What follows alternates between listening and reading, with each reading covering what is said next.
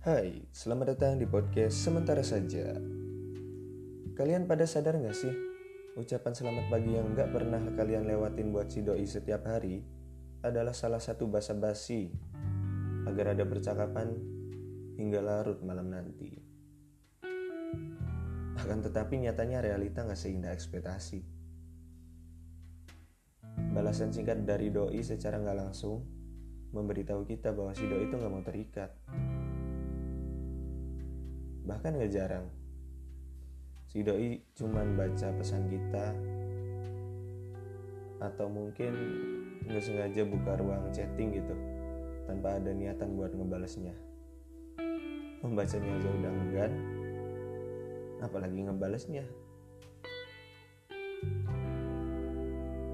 Kalau ibaratnya malam hari nih ya sebanyak-banyaknya bintang di langit lebih banyak jawaban iya, hehehe, dan sebagainya atas topik yang pengen kalian bicarakan.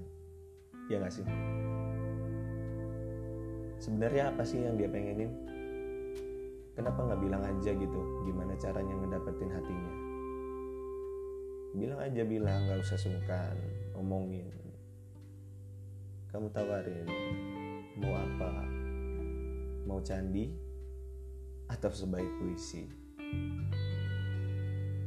Kadang capek, tapi kita nggak tahu gimana cara berhenti. Ya namanya juga cinta. Cinta sih cinta, tapi gimana dengan si doi? Mungkin hatinya udah mati. Beribu pesan yang aku kirimkan, hanya satu dua kata yang kau balaskan.